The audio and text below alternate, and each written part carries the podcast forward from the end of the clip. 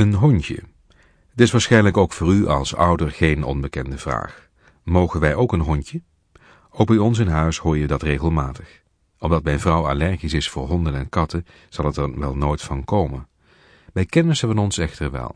De kinderen hadden er al maanden over lopen zeuren, maar vader en moeder hadden het nog altijd tegen kunnen houden. Tot het moment dat moeder eigenlijk ook helemaal verzot was geworden op een jong hondje in de kant van de kinderenkoos. Toen werd vader voor het blok gezet.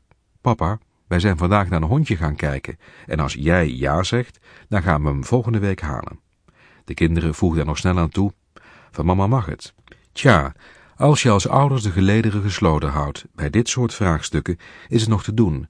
Maar als je alleen degene bent die de komst van een hondje tegen zou houden, wordt het moeilijk. Kortom, er kwam dus een hond.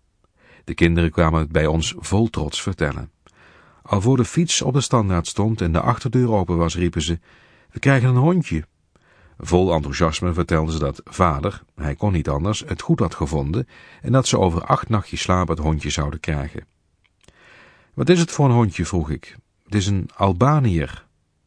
Een Albanier? Wat is dat voor een hond? Je weet wel, een wit met zwarte. Er zijn ook films van, 101 Albaniërs. Precies, een Dalmatiër. Een weekje later kwamen de kinderen weer bij ons spelen en vroeg ik, hoe is het met het hondje?